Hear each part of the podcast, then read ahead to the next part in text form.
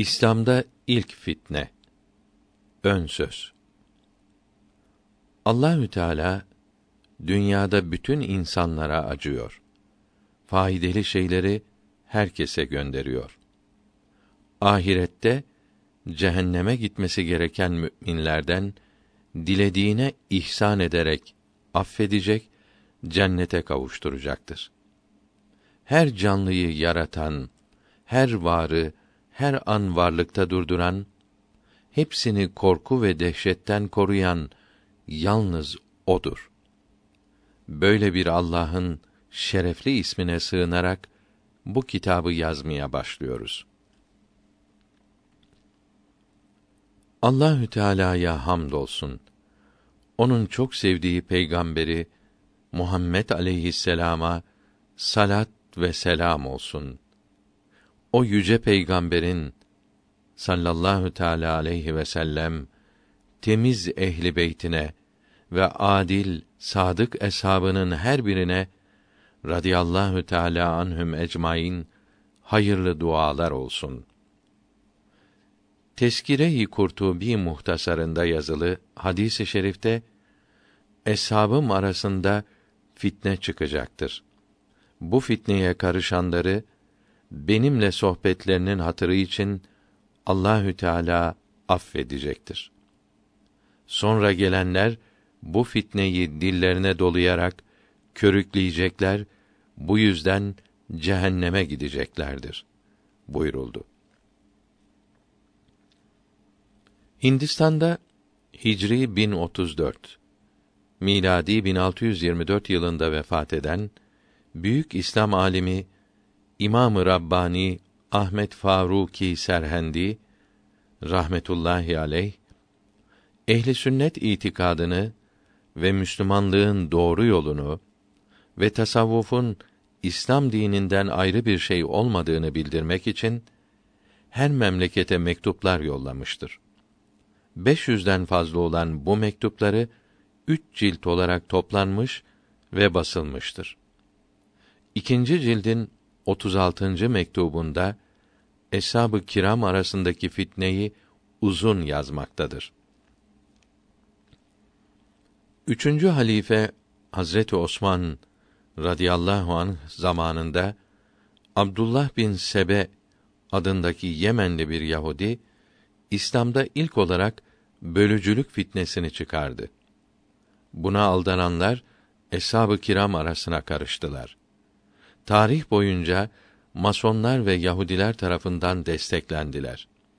Zaman zaman azarak İslamiyeti içerden yıkmaya çalışmışlar ve çok Müslüman kanı dökülmesine sebep olmuşlardır.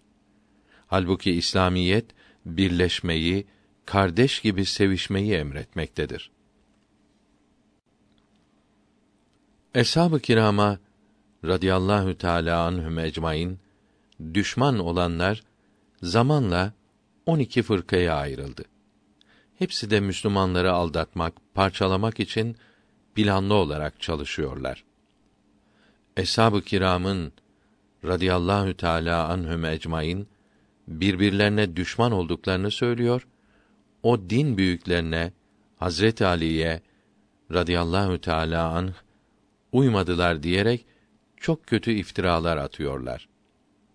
Aydın din adamı ilerici yazar gibi isimlere bürünen bu fitne ve fesatçılar yalanlarını meydana çıkararak ve çirkin iftiralarını çürüterek Müslümanları uyandırmaya çalışmakta olan ehli sünnetin temiz hocalarına gerici, cahil diyorlar. Bu mübarek hocaları lekelemeye, gözden düşürmeye yelteniyorlar.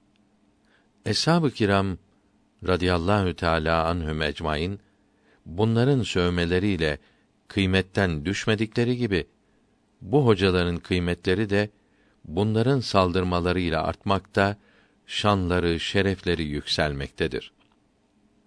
Din kardeşlerimizin kardeşi kardeşten ayırmaya çalışan bu yıkıcıların yaldızlı iftiralarına aldanmamaları için 36. mektubu Farisi'den Türkçeye tercüme ederek İslam'da ilk fitne adını verdik. insaf ile okuyan kıymetli gençlerin saf ruhlarının ve temiz vicdanlarının ehli sünnetin haklı olduğunu göreceklerinden emin bulunuyoruz. Allahü Teala Müslümanları parçalanmaktan korusun.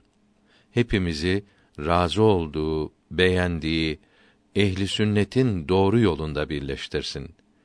İslam düşmanlarının yalanlarına aldanarak tuzaklarına düşmekten korusun. Amin.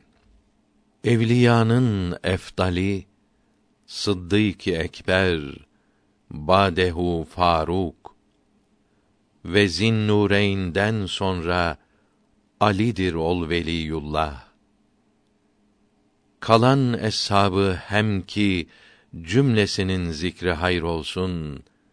Cemii alü eshabı kiramı severim fillah. Aşere-i mübeşşere ve Fatıma, Hasan ve Hüseyin bu ümmetten bunlara cennet ile neşhedü billah ve gayri kimseye aynı ile cennetlik denilmez ki o gaybe hükm olur gaybi ne bilsin kimse gayrillah ve eshab-ı kiramın cümlesinden sonra ümmetten cemii tabiin olmuştur efdalü evliya illah. İslam'da ilk fitne. İmam-ı Rabbani Müceddidi Elfisani Şeyh Ahmedi Faruki Serhendi'nin rahimehullahü teala mektubatından ikinci cildin 36. mektubu Eshab-ı kiramın büyüklüğünü ve ehli sünnet mezhebiyle diğer bozuk mezheplerin eshab-ı kiram hakkındaki sözlerini bildirmektedir. İslamiyette ilk kopan fitnenin Şiilik olduğunu ve ehli sünnet mezhebinin Şiiler gibi taşkınlık yapmadığını, hariciler gibi de cahillik ve kısa görüşlülük yolunu tutmadığını göstermektedir ve Rasulullah sallallahu aleyhi ve sellem efendimizin ehli beytini metheylemektedir. Bu mektubumu yazmaya besmele okuyarak başlıyorum. Allahü Teala'ya hamdolsun. Onun sevgili peygamberine salat ve selam olsun. O yüce peygamberin ehli beytine ve eshabının hepsine ve bütün müminlere bizden iyi dualar olsun. Doğru yolda gidenleri sevmek, onlarla tanışmak ve görüşmek ve onlar gibi olmaya özenmek ve o büyüklerin sözlerini işitmek ve kitaplarını okumak Allahü Teala'nın nimetlerinin en büyüklerindendir ve onun ihsanlarının en kıymetlilerindendir.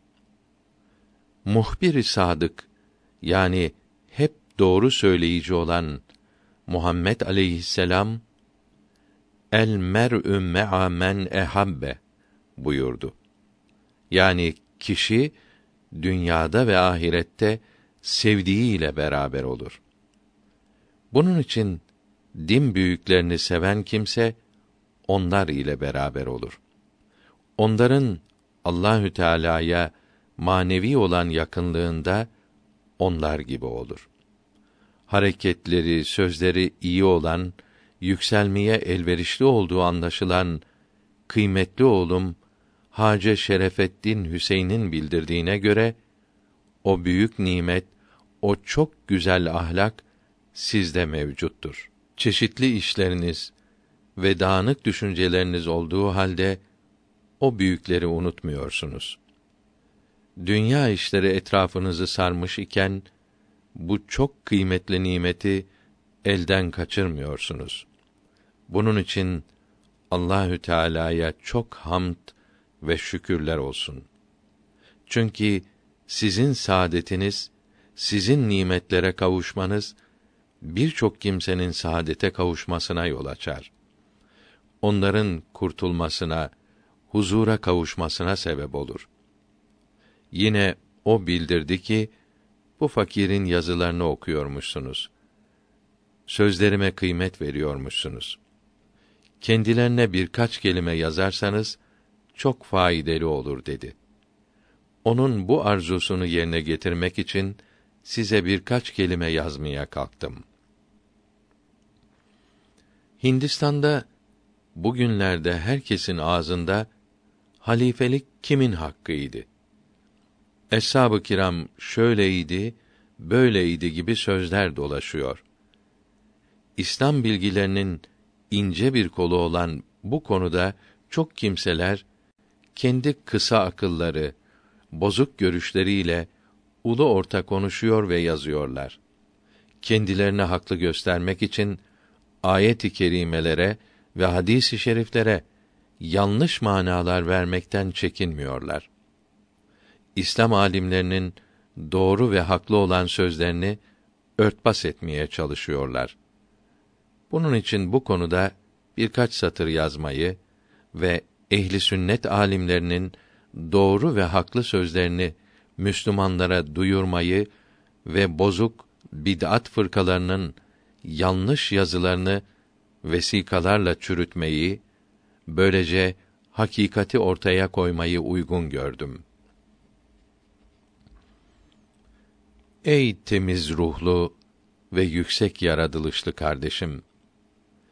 Ehli sünnet mezhebinin alimleri rahimehumullahü teala söz birliğiyle şeyhaynı üstün tutmak ve iki damadı sevmek lazımdır demektedir. Yani Hazreti Ebu Bekr ile Hazreti Ömer eshab-ı kiramın hepsinden daha yüksektirler ve Hazreti Osman ile Hazreti Ali'yi sevmek lazımdır dediler. Ehli sünnet ve cemaat denilen doğru yoldaki her Müslümanın bu ikisini üstün tutması ve o ikisini sevmesi lazımdır. Hazreti Ebu Bekr ile Hazreti Ömer'in üstün olduğunu eshab-ı kiramın hepsi söz birliğiyle bildirmiştir. Bu söz birliğini de tabiin izamın hepsi bize söz birliğiyle haber vermiştir.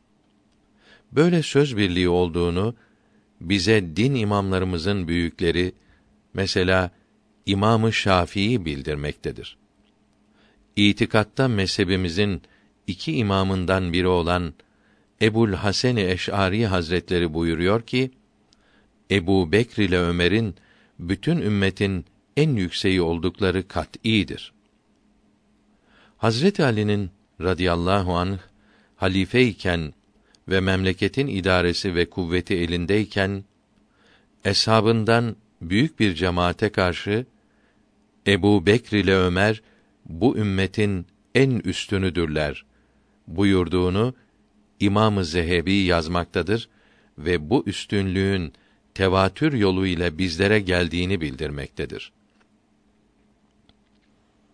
Hazret Ali radıyallahu an buyurdu ki Peygamberimizden sallallahu aleyhi ve sellem sonra insanların en üstünü Ebu Bekir'dir. Ondan sonra Ömer'dir. Ondan sonra da bir başkasıdır.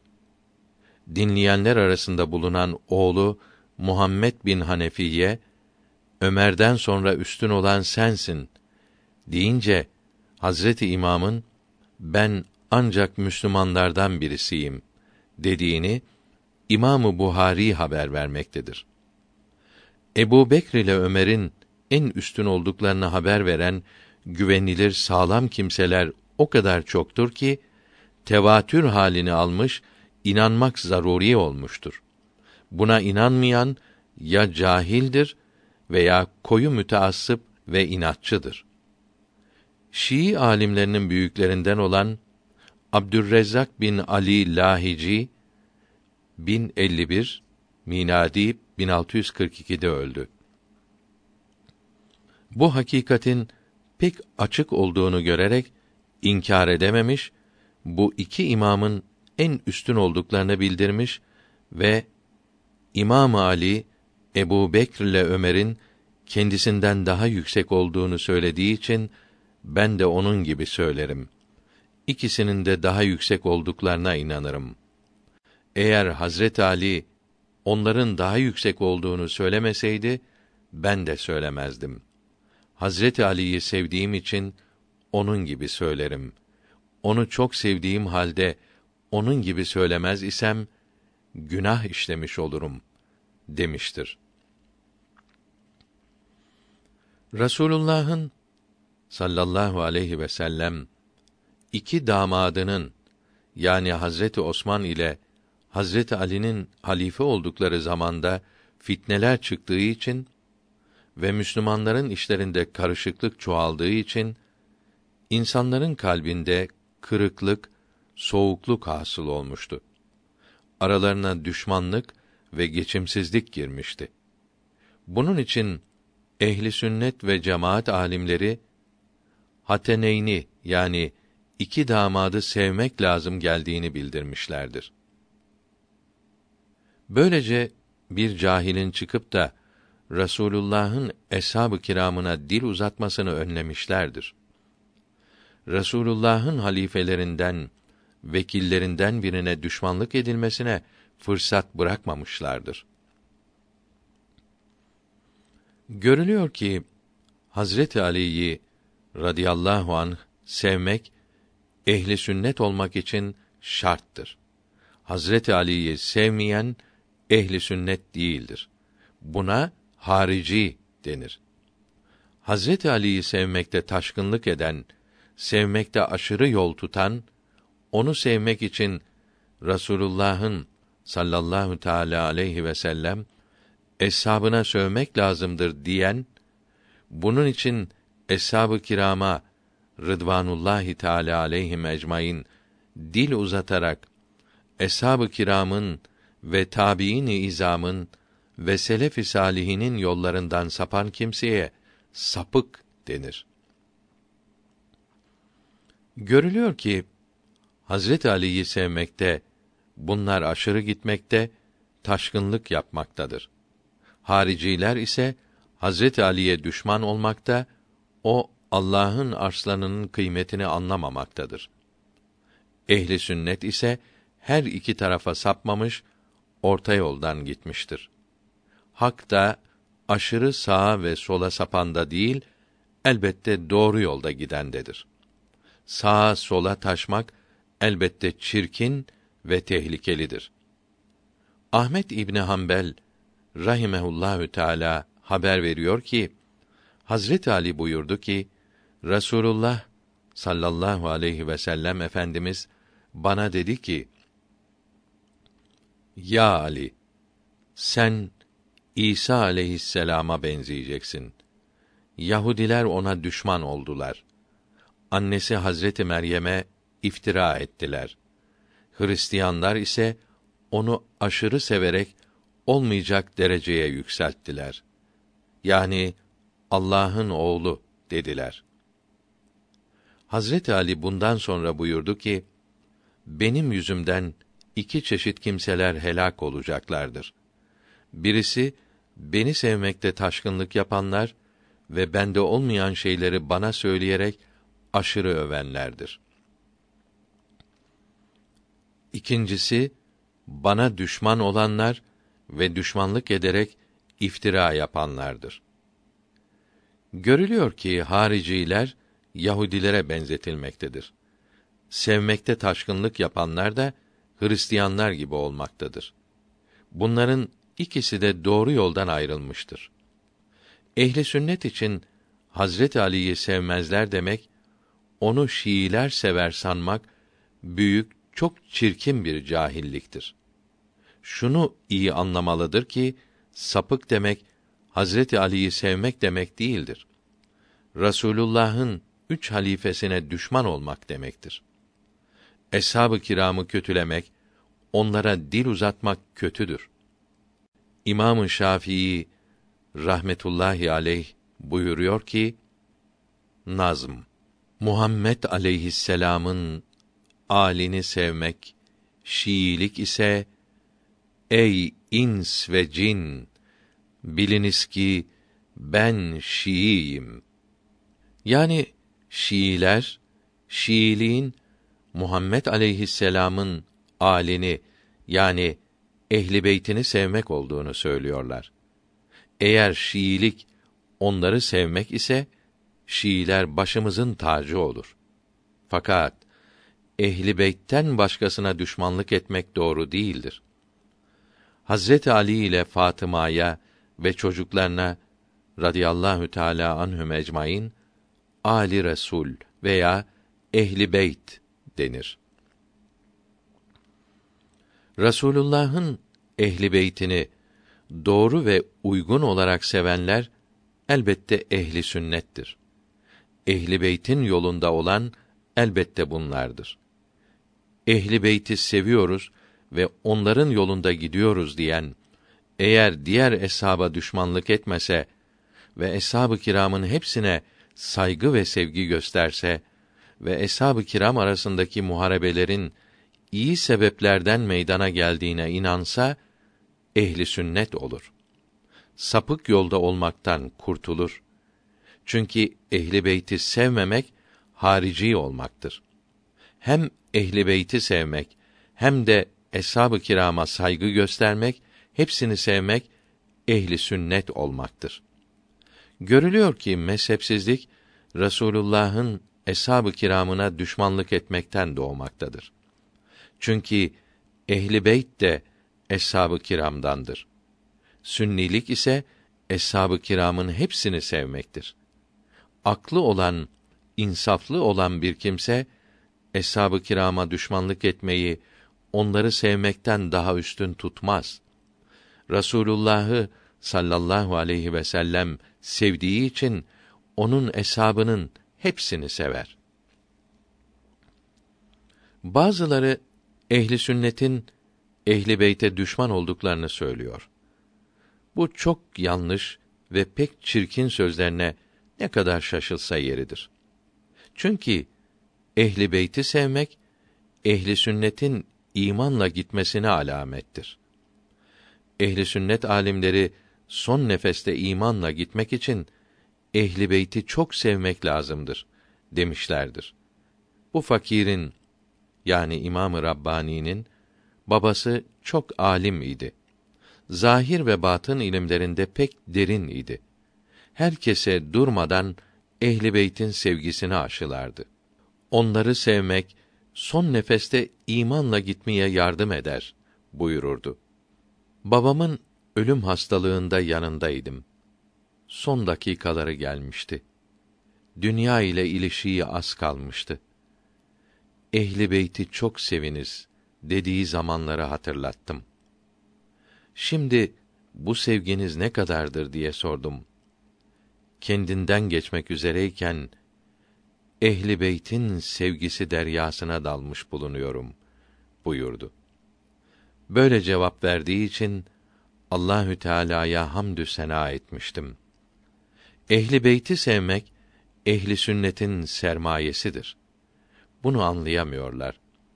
Ehli sünnetin doğru ve yerinde olan sevgisini bırakarak taşkın, aşırı bir yola sapıyorlar.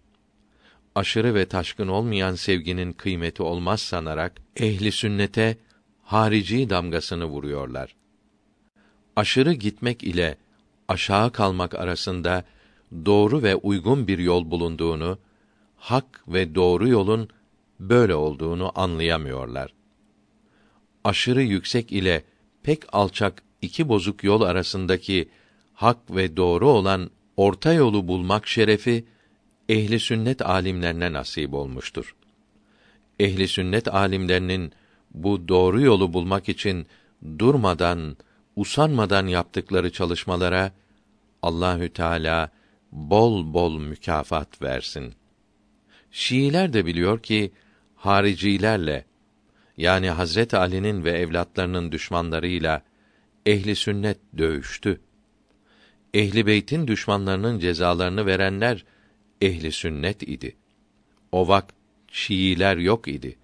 Olsa da yok denecek kadar az idi.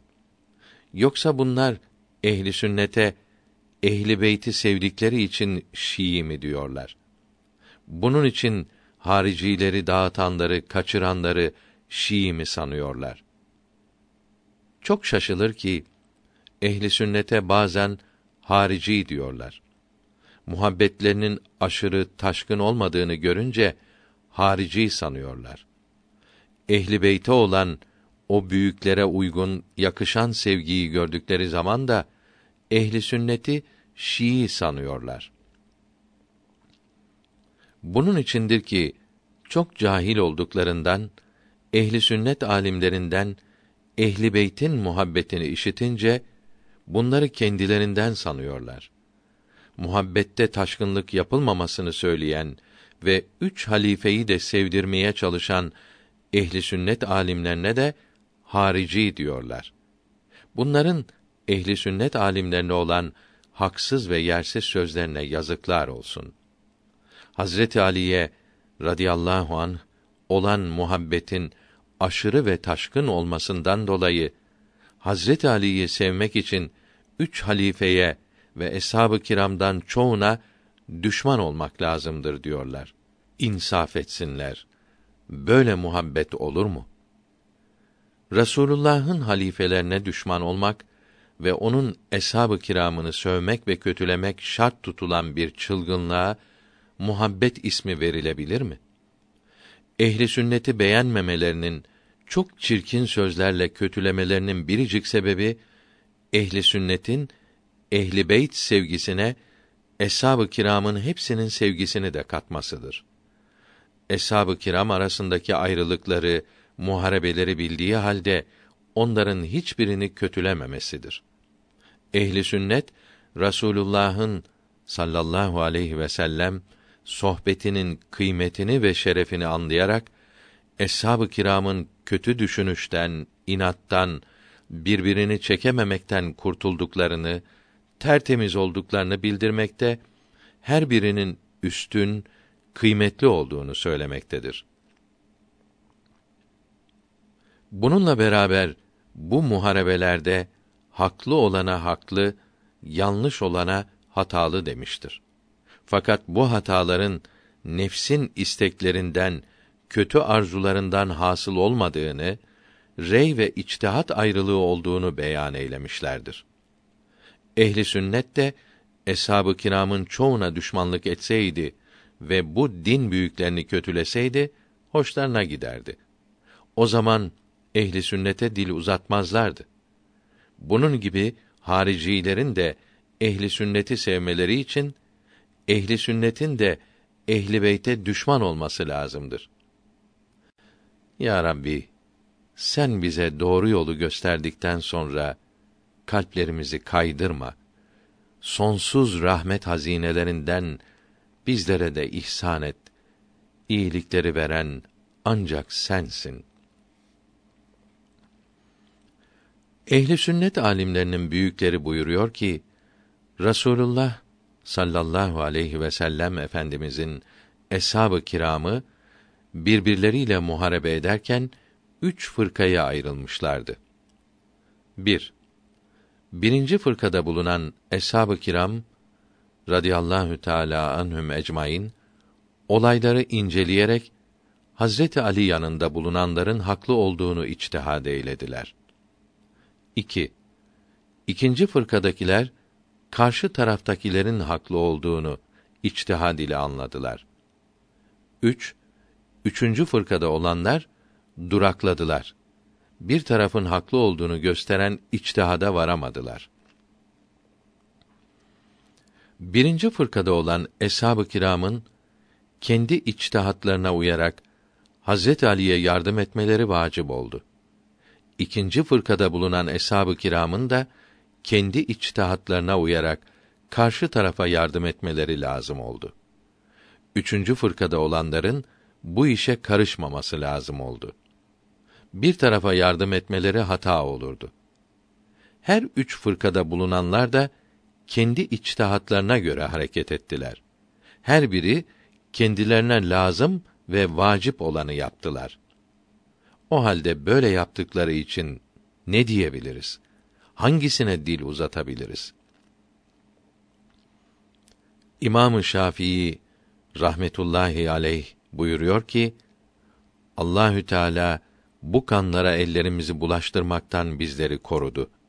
Biz de dillerimizi karıştırmaktan korumalıyız. Ömer bin Abdülaziz'in de böyle söylediği haber verilmiştir. Bu sözden anlaşılıyor ki bu üç fırkada bulunan eshab-ı kiramın hiçbirine haklıydı, yanıldı gibi söylememiz doğru değildir. Hepsi içinde yalnız iyi olduklarını söylememiz lazımdır. Hadisi şerifte de böyle buyuruldu. Eshabım anıldığı zaman dilinizi koruyunuz.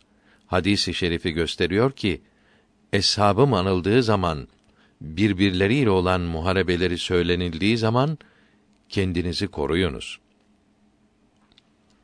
Bir kısmını beğenip ötekilerini kötülemekten sakınınız.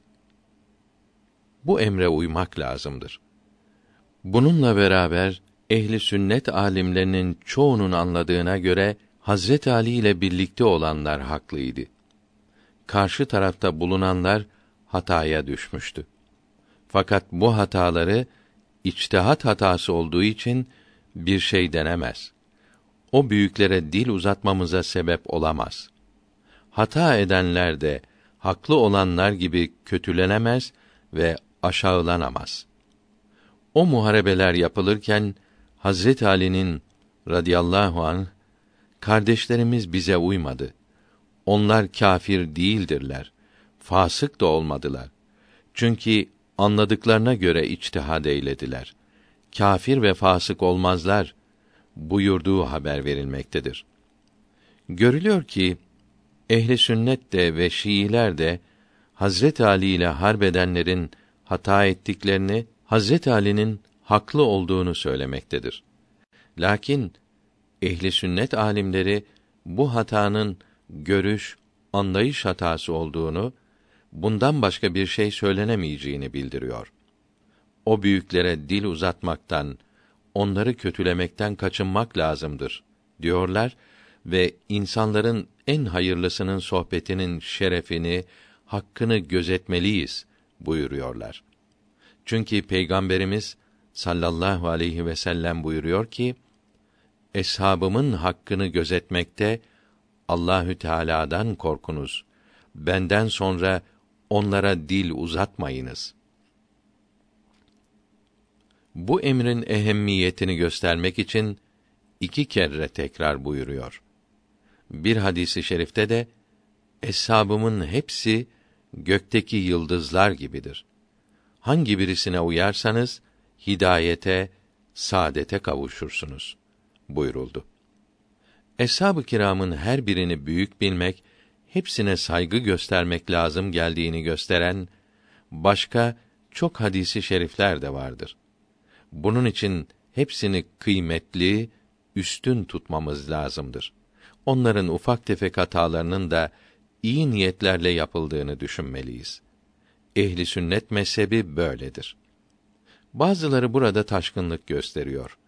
Hazret Ali ile harbedenlere kâfir diyorlar ve söylenemeyecek çirkin kelimeleri ve iğrenç bayağı sözleri ağızlarına alıyorlar. Dillerini kirletiyorlar.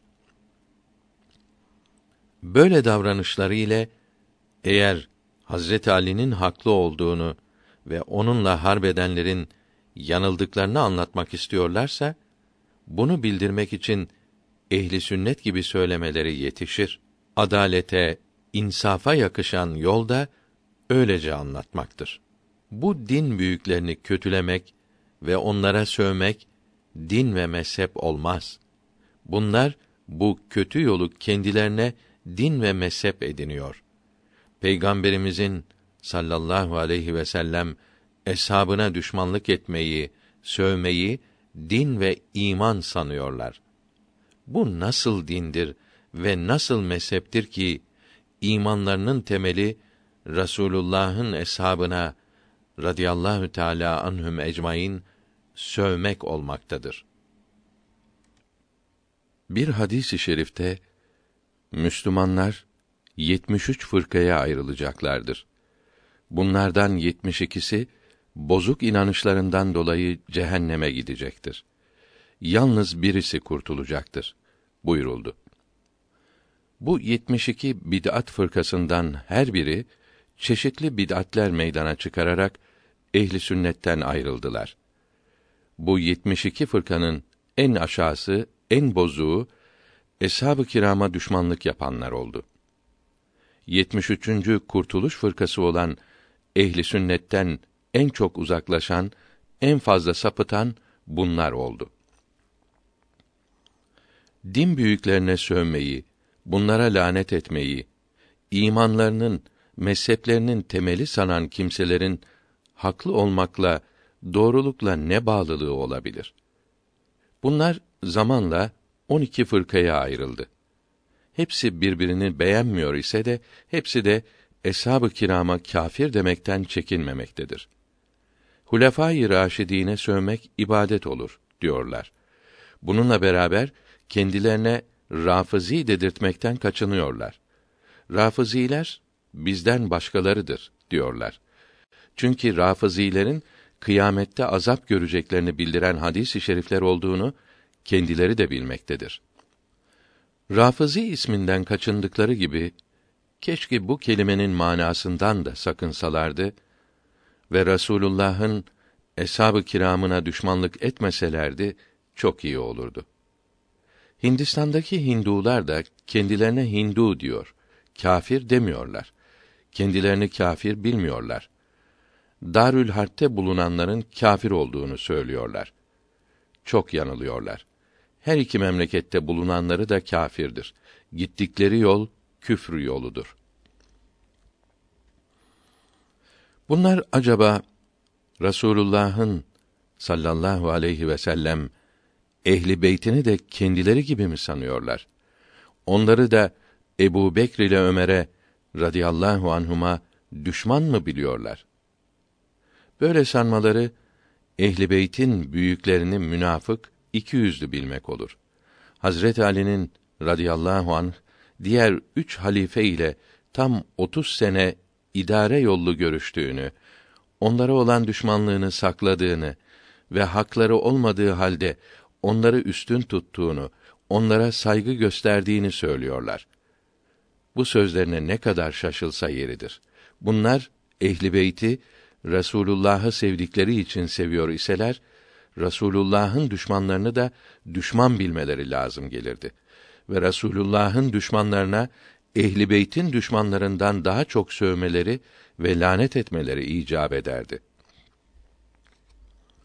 Halbuki bunların Resulullah'ın en büyük düşmanı olan ve onu çok inciten ve sayısız sıkıntılar yapan Ebu Cehle sövdükleri ve lanet ettikleri, onun kötülüğünü anlattıkları hiç görülmemiş ve işitilmemiştir. Rasulullah'ın en çok sevdiği Hazreti Ebu Bekri, kendi bozuk görüşleriyle ehli beytin düşmanı sanıyorlar. Bu yüzden ona sövüyor ve kötülemek için ağızlarına geleni söylüyorlar. Şanına yakışmayacak şeyleri iftira ediyorlar. Bu nasıl dindir ve mezheptir? Allah göstermesin. Hazreti Ebu Bekir'in ve Hazreti Ömer'in ve bütün eshab-ı kiramın Rıdvanullahi aleyhim ecmaîn Resulullah'ın ehli beytine radıyallahu anhüm düşman olacakları hiç düşünülebilir mi? Bu insafsızlar, saygısızlar keşke ehli beytin düşmanlarına sövselerdi. Sahabe-i kiramın büyüklerinin isimlerini söylemeselerdi. Din büyüklerini kötü sandıracak hale düşmeselerdi çok iyi olurdu. Böyle yapsalardı ehli sünnet ile aralarında ayrılık kalmazdı. Çünkü ehli sünnet de ehli beytin düşmanlarını düşman bilmekte ve onları kötülemekte ve sövmektedir. Ehli sünnetin çok ince, çok güzel bir sözü de şudur ki çeşit çeşit küfürlere dalmış olan belli bir kimsenin bile cehenneme gideceğini söylememeleridir. Tövbe edebilir, tekrar Müslüman olabilir derler. Böyle kimselere de ismini söyleyerek lanet etmeye izin vermezler. Adını söyleyerek belli bir kâfire lanet etmemelidir. Kâfirlere lanet olsun demelidir derler. Ölürken imansız gittiği kesin olarak bilinen kimselere lanet olunabilir derler. Bunlardan bazıları sıkılmadan, çekinmeden Hazreti Ebu Bekr ile Hazreti Ömer'e lanet ediyorlar ve sahabe-i kiramın büyüklerine dil uzatıyor, onlara sövüyorlar. Allahü Teala bu zavallıların doğru yola gelmelerini, bu yanlış, bozuk yoldan kurtulmalarını nasip eylesin. Amin. Bu konuda ehli sünnetle bunlar arasında iki büyük ayrılık vardır. 1. Ehli sünnet alimlerine göre dört halifenin de hilafetleri haktır, doğrudur. Çünkü gaybtan haber veren hadisi şeriflerden birisinde benden sonra hilafet 30 senedir buyuruldu. Yani tam kamil hilafet 30 senedir. Bu 30 sene Hazret Ali'nin hilafetiyle tamam oldu. Bu hadisi şerif dört halifenin de haklı halife olduklarını göstermektedir ve halifelik sıraları da haklıdır. Ehli sünnet olmayanlardan bir kısmı üç halifenin haksız olarak halife olduklarını söylüyorlar. Hilafeti güç kullanarak zorla aldıklarını zannediyorlar. Yalnız Hazreti Ali haklı olarak halife olmuştu diyorlar. Hazreti Ali'nin diğer üç halife zamanında ses çıkarmaması, onlara itaat etmesi, ortalığı idare etmek, fitne çıkarmamak içindi diyorlar. Peygamber Efendimizin eshab-ı kiramının birbirleriyle yalandan ahbaplık ettiklerini, iki yüzlü olduklarını sanıyorlar. Geçinmek için birbirlerine dost göründüklerine inanıyorlar.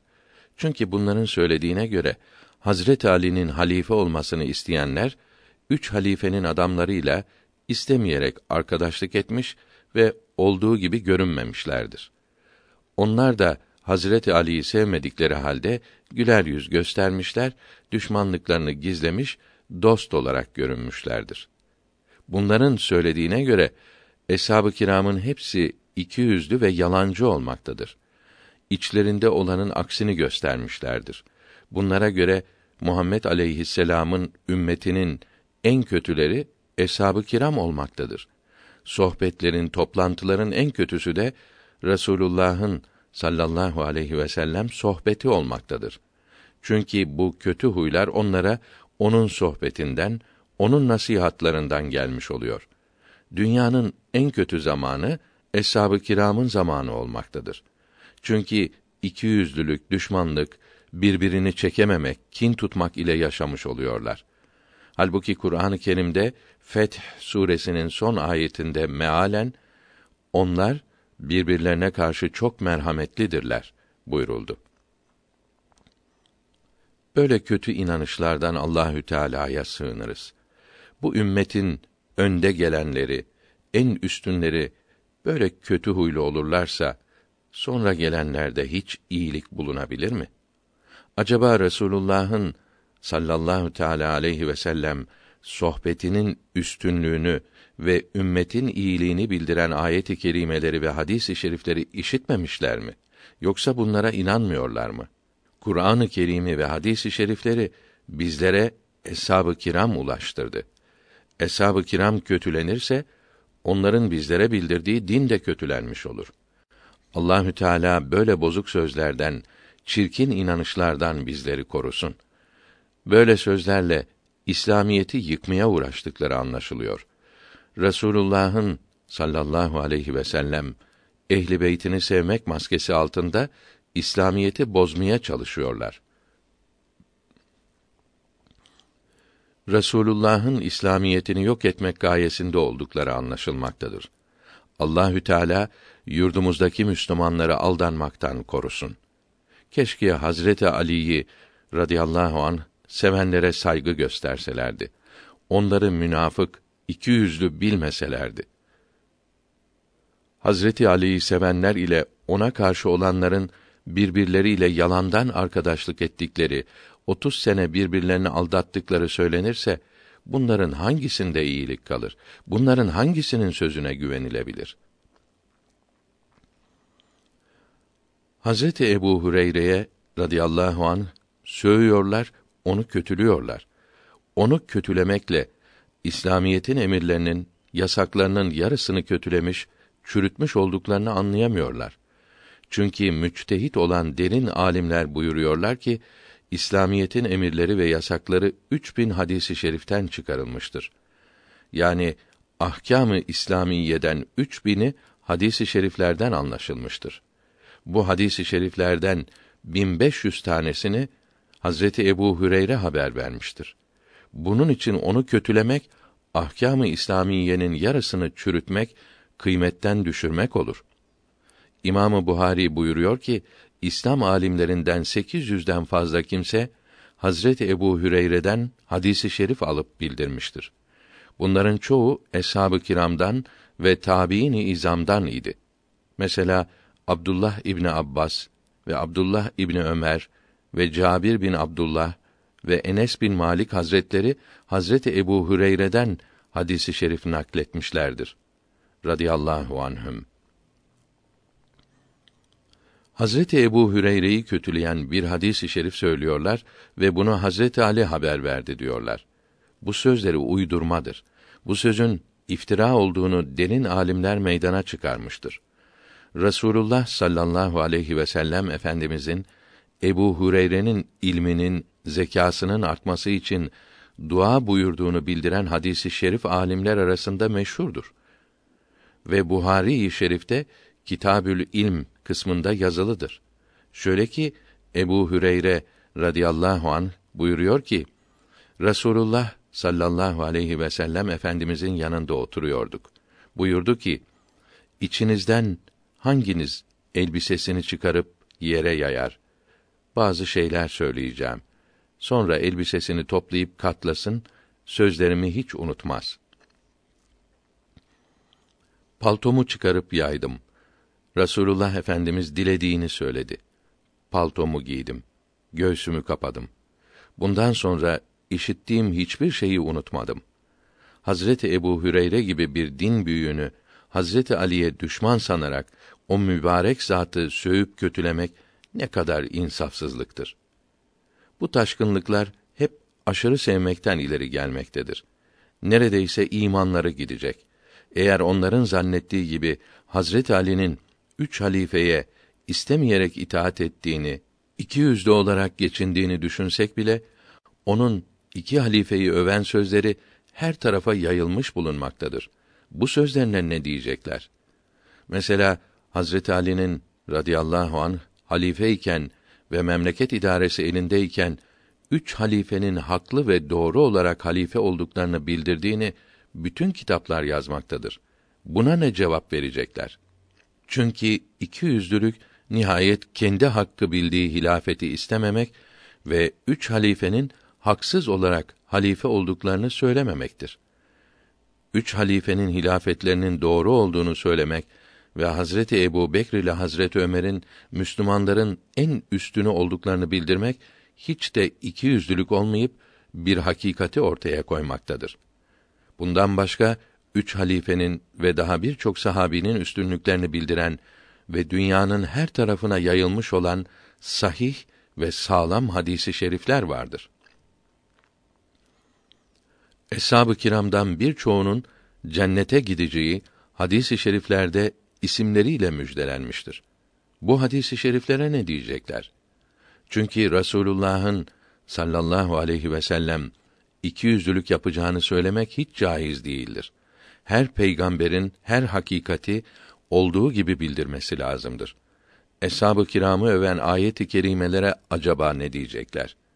Ayet-i kerimelerde iki yüzlülük hiç düşünülemez. Allahü Teala insaf versin. Aklı olan herkes bilir ki iki yüzlülük çok kötü bir huydur. Hainliktir. Allah'ın arslanı olan Hazreti Ali'de bu kötülüğün bulunacağını söylemek çok yersizdir. İnsanlık icabı bir iki saat veya bir iki gün böyle olacağı düşünülse bile Allah'ın arslanının tam otuz sene hep bu kötü huyla yaşadığını söylemek çok çirkin bir iftiradır. Küçük günaha devam etmenin büyük günah olduğu bildirilmiştir.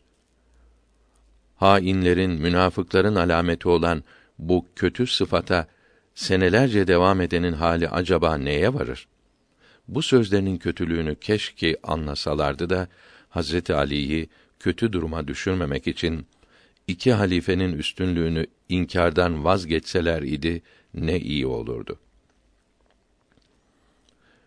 Münafıkların alameti olan iki yüzlülüğün kötülüğünü anlasalardı, Hazret Ali'yi böylece lekelemek belasından kurtulurlardı. İki beladan hafifini kabul ederek ikincisinden kurtulmuş olurlardı. Şunu da söyleyelim ki iki halifenin daha üstün olduğuna inanmaları hiç de bela değildir. Yani Hazreti Ali'yi küçültmez. Hazreti Ali'nin halifeliğe hakkı olduğunu ortadan kaldırmaz. Onun halifeliğe hakkı ve vilayet derecesinin yüksekliği ve hidayet, irşat mertebesinin kuvveti yine olduğu gibi kalır. Halbuki birinci olarak halife olmak hakkıydı. Bu hakkını elinden alanlara istemeyerek dost göründü demek, o büyük imamı küçültmek, kötülemek olur. Çünkü iki yüzlülük münafıkların alametidir ve yalancıların, aldatıcıların huyudur. 2. Ehli sünnet alimleri rahimehumullahü teala buyuruyor ki Resulullah'ın sallallahu aleyhi ve sellem eshab-ı kiramı arasındaki dövüşmeler, çekişmeler iyi düşüncelerle, faydalı sebeplerle meydana gelmiştir. Onların hiçbiri nefslerine uymamış, inat ile bir şey yapmamışlardır. Çünkü eshab-ı kiramın nefsleri Rasulullah'ın sohbetinde tertemiz olmuştu. Kalplerinde birbirleri için düşmanlık ve kin ve inat kalmamıştı. Her biri İslam alimlerinin hepsinden daha yüksek birer müçtehit olmuştu. Her müçtehidin kendi içtihadına göre iş yapması vaciptir. Bazı işlerde müçtehitlerin içtihatları yani hak olarak, doğru olarak gördükleri birbirlerine elbette uymaz. İçtihatları uymayınca işleri de elbette birbirine uymaz, çatışır. Çünkü her birinin kendi içtihadına göre hareket etmesi doğru olur. İşte bundan dolayı eshab-ı kiramın işlerinin birbiriyle çatışması hak için, doğruyu meydana çıkarmak için çalışmalarından hasıl olmuştur. Bu çalışmaları birbirlerine uymaları demektir. Ayrılıkları, çatışmaları nefsi emmarenin arzularını yerine getirmek için değildir. Bazı kimseler Hazret Ali ile harbedenlere kâfir diyor. Onlara çirkin şeyler söylüyor, kötülüyorlar. Halbuki eshab-ı kiram içtihat edilmesi lazım olan işlerin birkaçında Rasulullah sallallahu aleyhi ve sellem efendimizden de ayrıldılar ve Rasulullah'ın bulduğuna, bildirdiğine uygun söylemediler. Bunların hakkı, doğruyu Resulullah'ın bildirdiğinden başka bulmalarını ne Allahü Teala ve ne de onun Resulü kötülemedi. Kendilerine acı bir şey bile söylenmedi. Vahiy inmekteyken hiçbiri bu yüzden suçlu görülmedi. Böyle olunca Hazret Ali'nin içtihadına uymayan içtihat sahiplerine nasıl olur da kâfir denilebilir? İçtihatları Hazret Ali'nin içtihadına uymayanlar niçin kötülenebilir? Hazret Ali ile harbedenler onların dillerine doladıkları birkaç kişi değildi. İslam büyüklerinden binlerle kimseydi.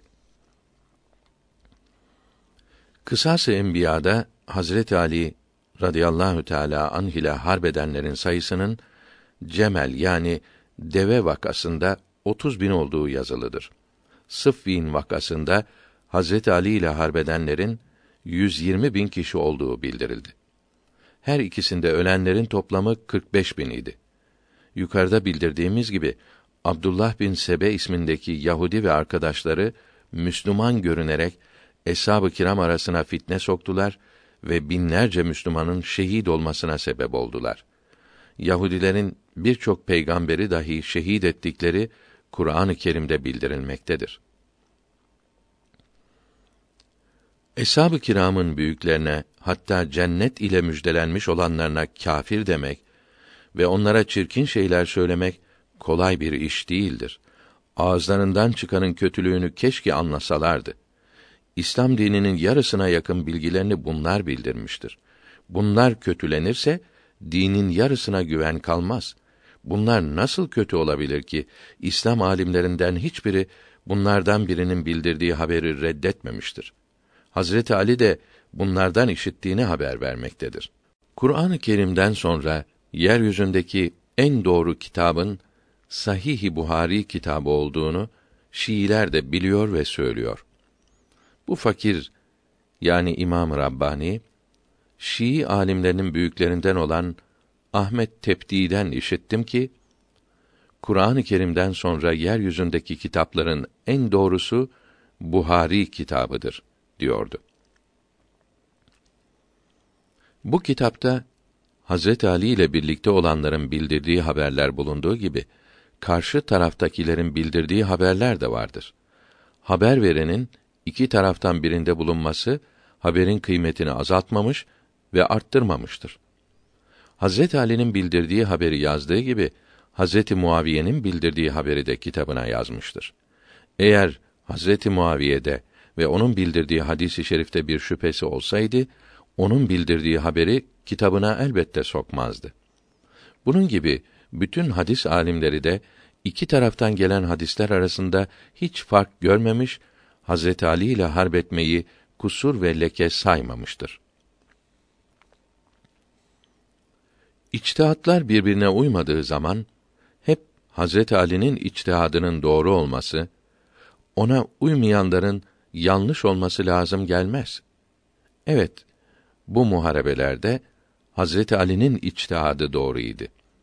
Tabiinin alimlerinin ve mezhep imamlarımızın birbirine uymayan içtihatlar arasında Hazreti Ali'nin içtihadına uymayan içtihatları seçtikleri ve Hazreti Ali'nin içtihadını kabul etmedikleri çok olmuştur.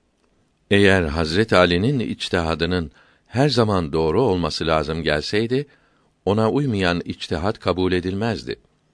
Kadi Şüreyh tabiinin büyüklerinden idi ve müçtehit idi. Hazret Ali'nin içtihadıyla hükmetmedi ve oğlu İmam Hasan'ın şahitliğini kabul etmedi. Oğlun babaya şahit olmasını kabul etmem dedi. Bütün müçtehitlerde Kadi Şüreyh'in sözüne uymakta ve oğlun babaya şahit olmasını kabul etmemektedir. Daha nice yerlerde Hazret Ali'nin içtihadına uymayan içtihatlara göre hareket edilmektedir. Din kitaplarını okuyan insaflı kimseler sözümüzün haklı olduğunu anlarlar. Bunun için misal vermekle sözü uzatmayalım. Görülüyor ki Hazret Ali'nin içtihadına uymayan içtihatta bulunmak ve onun içtihadına uymamak suç değildir. Ona uymayanların kötü olması, kötülenmesi lazım gelmez. Hazreti Ayşe radıyallahu anha Rasulullah'ın sevgilisiydi. Rasulullah sallallahu aleyhi ve sellem vefat edinceye kadar onu çok sever ve üstün tutardı. Resulullah ölünceye kadar onun odasında yaşadı ve onun kucağında can verdi ve onun güzel kokulu odasında defnedildi. Böyle şerefli olmaktan başka çok alim ve müçtehit idi. Rasulullah sallallahu aleyhi ve sellem dinin yarısının bildirilmesini ona bırakmışlardı. Eshab-ı kiram yapacakları bir şeyde şaşırdıkları, sıkıştıkları zaman ona koşarlar, istediklerini öğrenirler, müşkillerini çözerlerdi. Hazreti Emir'e uymadı diye böyle şerefli sıddıkaya, böyle müçtehideye dil uzatmak, çok çirkin iftiralarda bulunmak bir Müslümanın yapacağı şey değildir. Rasulullah'a iman eden kimseden çok uzaktır. Hazreti Ali Rasulullah'ın damadı ise Hazreti Ayşe de zevce-i mütahharasıdır ve sevgilisidir ve kıymetli hayat arkadaşıdır. Bundan birkaç sene evvel bu fakir yani İmam Rabbani her hafta fakirlere yemek verince sevabını ehli abanın ruhlarına niyet ederdim. Yani Resulullah Efendimiz ile birlikte Hazreti Ali, Hazreti Fatıma, Hazreti Hasan ve Hazreti Hüseyin'in ruhlarına da gönderirdim. Bir gece rüyada Resulullah Efendimize selam verdim. Bana iltifat buyurmadı. Başka tarafa baktı ve ben yemeği Ayşe'nin evinde yerdim. Bana yiyecek gönderenler onun evine gönderirlerdi buyurdu. Uyandım. Bana iltifat buyurmamalarına sebep yemek sevabını Hazreti Ayşe'ye de göndermediğim için olduğunu anladım. Ondan sonraki yemeklerin sevabını Hazreti Ayşe'ye de hatta ezvacı mütehharatın hepsine radıyallahu teala anhünne de gönderdim. Çünkü bunların hepsi de ehli beyttir. Böylece ehli beytin hepsinden yardım ve şefaat beklemekle şereflendim. Resulullah'ın sallallahu aleyhi ve sellem Ayşe radıyallahu teala anha yoluyla incitilmesi Ali radıyallahu teala anh yoluyla incitilmesinden daha ziyadedir. Aklı ve insafı olanlar böyle olduğunu kolayca anlar. Yukarıdan beri söylediklerimiz Hazret Ali'yi sevmek ve ona kıymet vermek Resulullah'ın sevgisinden ve kıymetinden olduğuna göredir. Resulullah'a yakın olduğu ve sevgilisi olduğu için sevildiğine göredir. Eğer bir kimse Hazret Ali'yi doğrudan doğruya sever ve Resulullah'ın sevgisini araya katmadan yalnız onu kıymetlendirirse buna bir diyeceğimiz yoktur. Ona bir şey denemez. Çünkü o dini yıkmak için uğraşmaktadır ve İslamiyeti yok etmek için çalışmaktadır. Resulullah'ı bırakarak başka bir yol tutmuştur. Muhammed aleyhisselam yerine Hazreti Ali'ye yüz çevirmiştir. Bu ise küfürdür, zındıklıktır. Hazreti Ali böyle kimseleri sevmez. Bunların sözlerinden, yazılarından incinir. Eshab-ı kiramı sevmek ve ezvacı tahiratı ve damatlarını sevmek hep Resulullah'ı sevmekten hasıl olmaktadır. Aleyhi ve ala alihi ve eshabihi salavat. Onları büyük bilmek ve saygı göstermek hep Rasulullah içindir. Aleyhisselatu vesselam. Onları seven beni sevdiği için sever. Hadisi şerifi böyle olduğunu göstermektedir. Bunun gibi onlardan birine düşmanlık etmek Resulullah'a düşman olmak demektir. Onlara düşmanlık eden bana düşman olduğu için eder. Hadisi şerifi de bunu göstermektedir. Demek ki eshabımı sevmek beni sevmek demektir. Onlara düşmanlık etmek bana düşmanlık etmek olur buyurmaktadır. Hazreti Talha ve Hazreti Zübeyr radıyallahu teala anhuma eshab-ı kiramın büyüklerindendir. İkisi de cennet ile müjdelenmiş olan on kişidendir. Bunlara dil uzatmak, kötülemek çok yersizdir. Onlara yapılan lanet ve kötülük söyleyene döner. Hazret Ömer radıyallahu anh vefat edeceği zaman kendisinden sonra içlerinden birinin halife seçilmesini bildirdiği altı kimseden biri Talha, biri de Zübeyr'dir. Halife Ömer radıyallahu anh bu altısından hangisinin daha üstün olduğunu anlayamadı. Bu ikisi hilafeti istemediklerini bildirdiler. Bu Talha öyle bir Talhadır ki Rasulullah'a sallallahu teala aleyhi ve sellem karşı edebi gözetmediği için babasını öldürmüştür. Allahü Teala Kur'an-ı Kerim'de onun Resulullah'a olan bu saygısını sena buyurmuştur. Zübeyre gelince Rasulullah sallallahu aleyhi ve sellem onu öldürenin cehenneme gideceğini haber vermiştir. Ona lanet eden, onu kötüleyen kimsenin alçaklığı onu öldürenden az değildir. Din büyüklerine dil uzatmaktan, İslam'ın büyüklerini kötülemekten sakınınız. Aman sakınınız, çok sakınınız. Onlar bütün ömürlerini İslamiyeti yaymakta ve yaratılmışların en üstünü olan Muhammed aleyhisselama yardım etmekte tükettiler ve bütün mallarını dini kuvvetlendirmek için gece gündüz açıkça ve gizlice feda ettiler. Rasulullah'ın sevgisi için akrabalarını, ahbaplarını, çocuklarını, zevcelerini, memleketlerini, evlerini, akarsularını, tarlalarını, ağaçlarını terk ettiler. Rasulullah'ı sallallahu aleyhi ve sellem bunların hepsine ve kendi canlarına tercih ettiler. Bunların sevgisini ve canlarının sevgisini bırakıp Rasulullah'ın sevgisini seçtiler. Rasulullah'la konuşmak, onunla beraber bulunmak şerefine kavuştular. Onun sohbeti bereketiyle peygamberlik üstünlüklerine eriştiler. Allahü Teala'nın gönderdiği vahyi gördüler ve melekle beraber bulunmakla şereflendiler.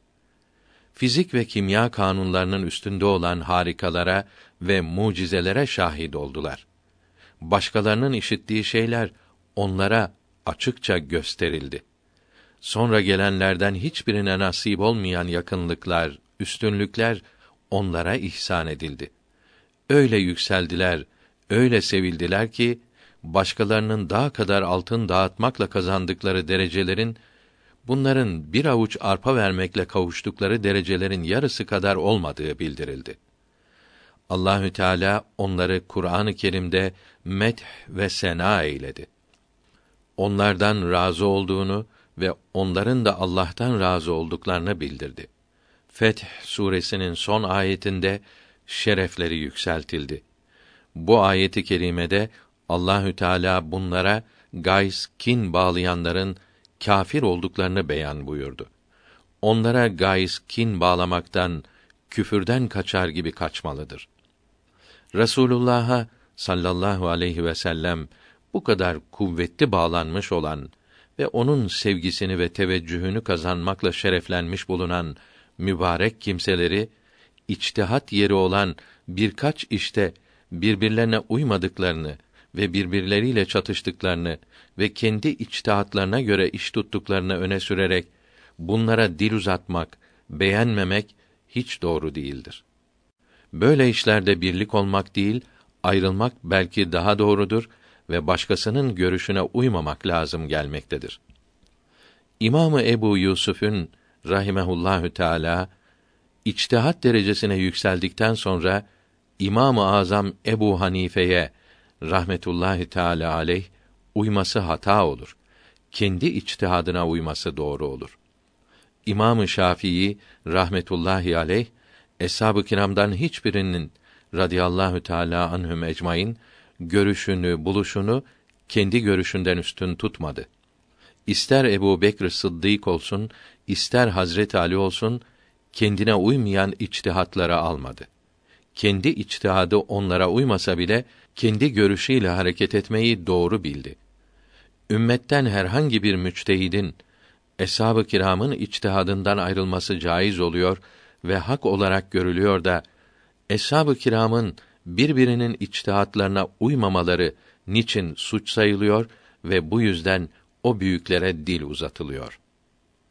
Eshab-ı kiram radıyallahu teala anhum ecmaîn Rasulullah'ın sallallahu aleyhi ve sellem içtihadına uymayan içtihatlar da yaparlardı.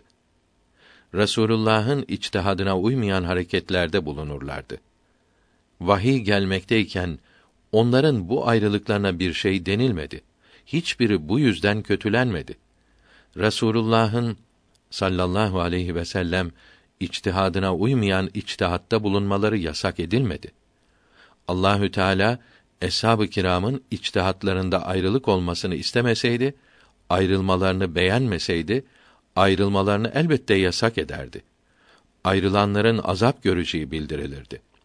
Rasulullah sallallahu aleyhi ve sellem ile konuşurken yüksek sesle konuşmanın yasak edildiğini ve yüksek sesle konuşanlara azap yapılacağının bildirildiğini hepimiz biliyoruz. Hücurat suresinin ikinci ayetinde mealen Ey müminler seslerinizi Rasulullah'ın sesinden daha yükseltmeyiniz. Onunla konuşurken birbirinizle konuşur gibi bağırışmayınız buyuruldu. Beğenmediği bir hareketi hemen yasak eylemiştir. Bedir gazasında esirlerin ne yapılacağını konuşurken eshab-ı kiramın içtihatları arasında ayrılık oldu. Hazreti Ömer ile Hazreti Sa'd bin Muaz esirleri öldürelim dediler. Başkaları para karşılığı koyu verilmesini istediler. Rasulullah sallallahu aleyhi ve sellem de böyle içtihat buyurmuştu. Bu içtihada uyarak Esirleri koyu vermeye başladılar ise de sonra ayet-i kerime gelerek Hazret Ömer'in içtihadının doğru olduğu bildirildi. İçtihatların birbirine uymadığı böyle daha nice işler olmuştur. Bunlardan birini Ahmet Cevdet Paşa rahimehullahü teala Kısas-ı Enbiya kitabında şöyle anlatıyor. Hicretin 6. senesinde 1400 kişiyle Kâbe-i Muazzama'yı ziyaret için Medine'den Mekke'ye gidilirken kâfirler Müslümanları Mekke'ye sokmak istemediler. Resulullah sallallahu aleyhi ve sellem Hudeybiye denilen yerde durdu. Ya Ömer, Mekke'ye git. Harp için gelmediğimizi, Kâbe'yi ziyaret edip geri döneceğimizi onlara söyle buyurdu.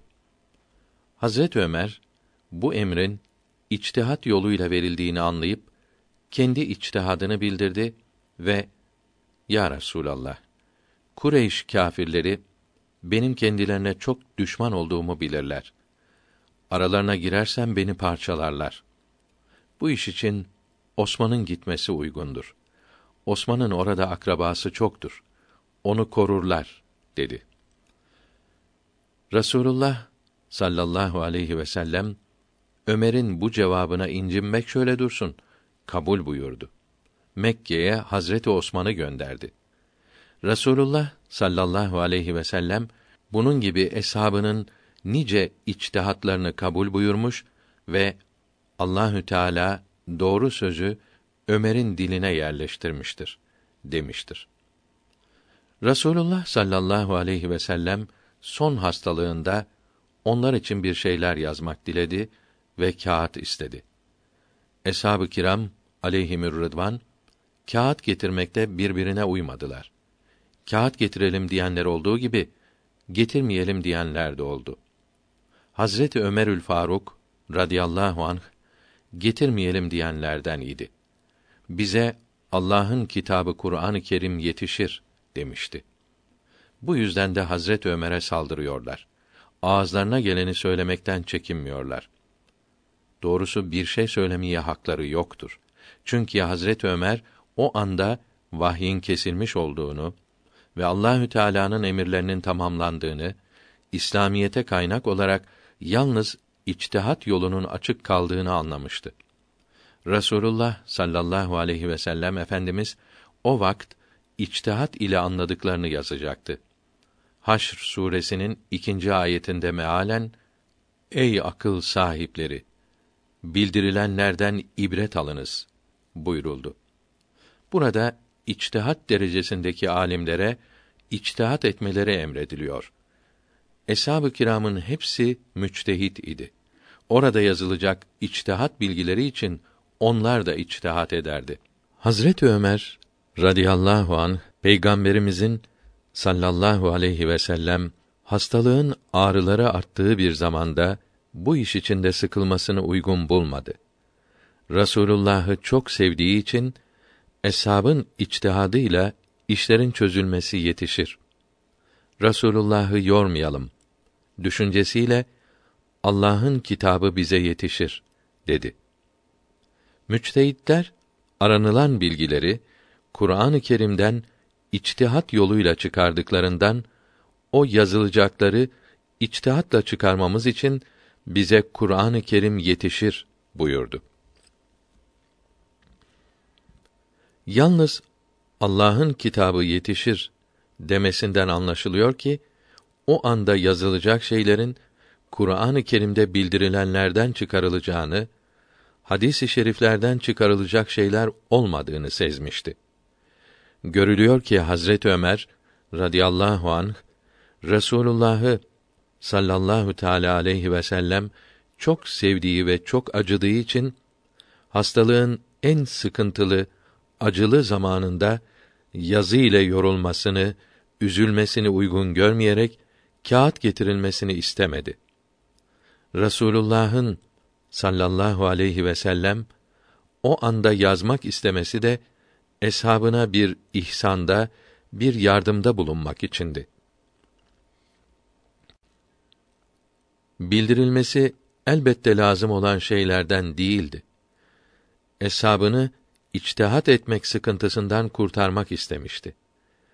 Kağıt getiriniz emri bir ihsan olmayıp da elbette lüzumlu olsaydı tekrar isterdi. Dilediklerini elbette yazdırırdı. Eshabının sözlerindeki ayrılığı görmekle bu emrinden vazgeçmezdi. Sual Hazreti Ömer orada acaba sayıklıyor mu? Araştırınız demişti. Bu ne demektir? Cevap Hazreti Ömer radıyallahu anh o zaman Rasulullah'ın hastalık acıları arasında bu sözü istemeyerek söylediğini anlamış olabilir. Nitekim yazacağım buyurması böyle olduğunu göstermektedir. Çünkü Rasulullah sallallahu aleyhi ve sellem ümmi idi. Hiçbir şey yazdığı görülmemişti. Benden sonra yoldan çıkmayasınız buyurması da Hazreti Ömer'i öyle düşündürmüş olabilir. Çünkü Allahü Teala din bilgilerinin artık kemale geldiğini ve nimetinin tamam olduğunu ve Allahü Teala'nın bu hali beğendiğini bildirmişti. Bu halde yoldan çıkmak nasıl olur ve kısa bir zamanda yazılacak bir şeyle bu nasıl önlenebilir? 23 senede yazılmış olanlar yetişmiyor ve yoldan çıkmayı önleyemiyor da kısa bir zamanda ve hastalığın acılarının çoğaldığı bir anda yazılacak bir şey bunu nasıl önleyebilirdi? Hazret Ömer radıyallahu anh bunları bir anda kavrayarak göz önünde tutarak kağıt getiriniz emrinin insanlık sebebiyle istemeden mübarek ağzından çıktığını bildi. Bunların iyice anlaşılmasını, tekrar sorulmasını istedi. Bu konuşmalarda sesler çoğalınca Resulullah sallallahu aleyhi ve sellem kalkınız. Gürültü etmeyiniz. Peygamberin yanında gürültü etmek iyi değildir buyurdu. Başka bir şey söylemedi. Kağıt ve kalem ismini anmadı. Eshab-ı kiramın içtihad olunacak işlerde Resulullah'tan sallallahu aleyhi ve sellem ayrılmaları Allah korusun nefslerine uymakla ehemmiyet vermemekle olsaydı mürtet olurlardı. Müslümanlıktan çıkarlardı. Çünkü Resulullah'a sallallahu teala aleyhi ve sellem karşı saygısızlık ve geçimsizlikte bulunmak küfürdür. Bu ayrılıkları Haşr suresinin ikinci ayetindeki emre uymaktan doğuyordu. Çünkü ilmde içtihat derecesine yükselen yüksek bir alimin içtihad olunması lazım gelen işlerde kendi içtihadını bırakıp başkasının içtihadına uyması doğru değildir. Böyle yapmasını İslamiyet yasak etmiştir. Evet, Kur'an-ı Kerim'de ve hadis-i şeriflerde açıkça bildirilen işlerde içtihat olunmaz. Herkesin bu açık emirlere uyması lazımdır. Bunlara inanması ve ayrılmaması vaciptir. Eshab-ı kiramın hiçbiri gösterişi sevmez, görünüşe bakmazdı.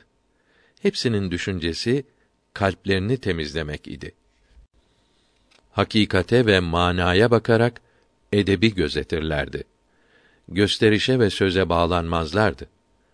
Onların birinci düşünceleri ve arzuları Resulullah'ın emirlerini yapmak, onu incitecek en ufak şeyden sakınmak idi analarını, babalarını, çocuklarını, ailelerini Resulullah'a feda etmişlerdi. Ona karşı olan inançları ve ihlasları, sevgileri, saygıları o kadar çoktu ki mübarek tükürüğünün, mübarek tırnaklarının ve tıraş olunca mübarek saçlarının yere düştüğü görülmemiştir. Bunları kapışırlar, en kıymetli kazanç olarak saklarlar ve bereketlenirlerdi.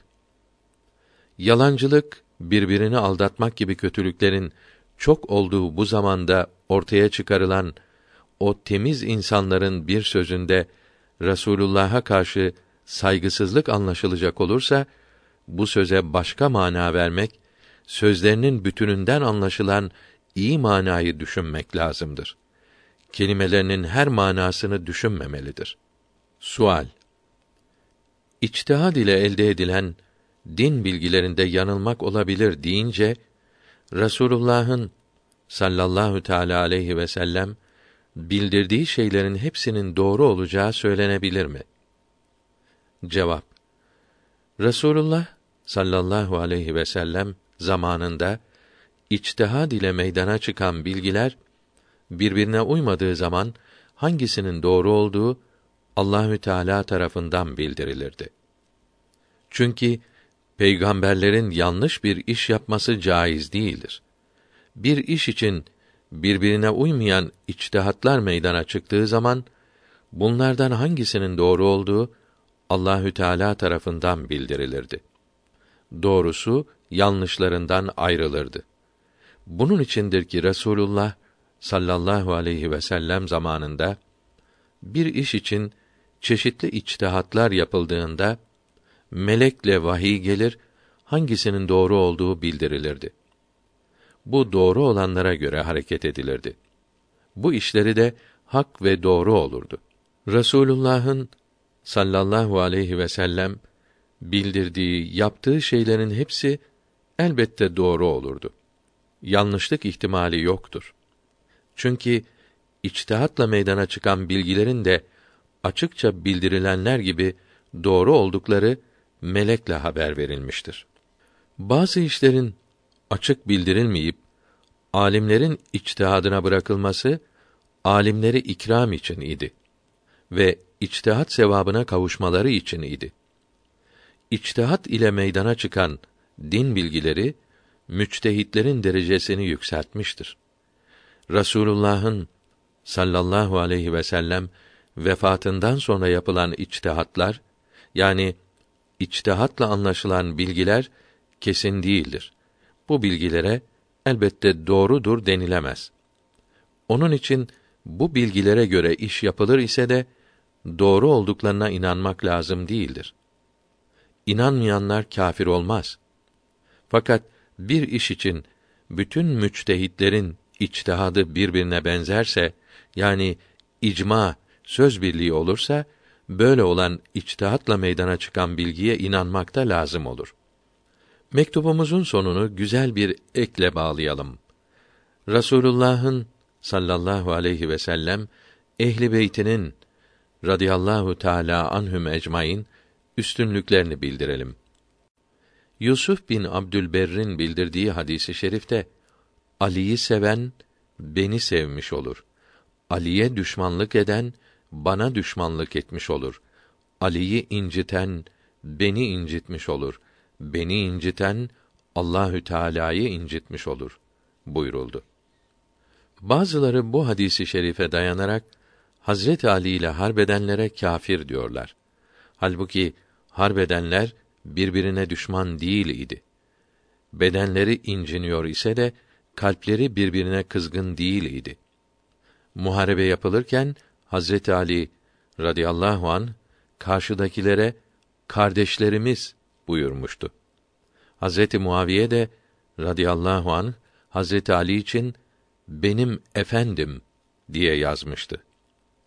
Kısas-ı Enbiya kitabının İstanbul'da 1331 baskısı 7. cüz 149. sayfasında diyor ki: Hazreti Hasan'ın hilafeti teslim etmesi ve Sa'd bin Ebi Vakkas gibi eshabın büyüklerinin kabul etmesiyle Hazreti Muaviye'nin hükümeti meşru olmuştur. Hazreti Muaviye eshab-ı kiramdan olduğu halde hükümeti zor kullanarak ele geçirmişti. Lakin zaman bunu icap ediyordu. İnsanlar halifenin emrine uymuyorlardı. Güç, kuvvet de lazım geliyordu. Bunun için saltanat devri geldi. Bu işe Muaviye radıyallahu an haklı ve layık idi. Görülüyor ki bunların dayandığı Kısas-ı Enbiya kitabı da Hazreti Muaviye'nin eshab-ı kiramdan olduğunu yazmakta ve kendisine radıyallahu anh demektedir. 151. sayfasında diyor ki: Ümmetin işlerini yürütmek için artık kuvvet, zor kullanmak lazım geliyordu. Bunu yapmak için de Hazreti Muaviye uygun görülmüş idi. İslamiyet önceleri halifenin emriyle yürütülürken sonra saltanat kuvveti lazım oldu. Maksat ise İslamiyetin icrası olduğundan o zaman mevcud olan eshab-ı kiramın hepsi Muaviye'ye biat eyledi. Rıdvanullahi aleyhim ecmaîn.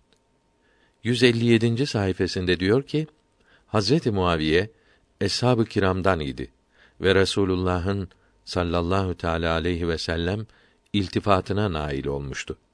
Kureyş'in büyüklerinden idi. İslamiyeti kuvvet zoru ile yürüttüğünden kendisine halife-i Resulullah denildi. Tirmizi ve Hakim'in rahimehumullahü teala bildirdiği hadisi i şerifte Allahü Teala dört kişiyi sevdiğini bana bildirdi. Bu dördünü sevmeyi bana emretti. Bunlar Ali, Ebu Zer, Miktat ve Selman'dır buyuruldu. Taberani ve Hakim'in ve Abdullah İbni Mes'ud'un bildirdiği hadisi şerifte Rasulullah sallallahu aleyhi ve sellem Ali'ye bakmak ibadettir buyurdu. Buhari ve Müslim'deki Bera Hazretlerinin bildirdiği hadisi şerifte Rasulullah sallallahu aleyhi ve sellem Hazreti Hasen'i omuzuna alarak buyurdu ki: Ya Rabbi, ben bunu seviyorum. Sen de sev. Buhari'nin bildirdiği ve Hazreti Ebu Bekir'in haber verdiği hadisi şerifte Rasulullah sallallahu aleyhi ve sellem minbere çıkmış idi. Hazreti Hasan radıyallahu teala anh kucağında idi. Bir bize bakıyor idi, bir de Hasan'a bakıyordu. Bu benim oğlum Seyyid'dir. Allahü Teala belki bununla iki Müslüman askerinin arasını barıştırır buyurdu.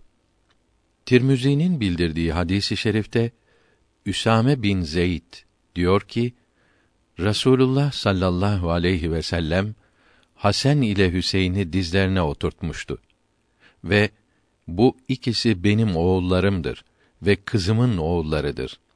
Ya Rabbi, ben bu ikisini seviyorum. Sen de sev. Bunları sevenleri de sev buyurdu.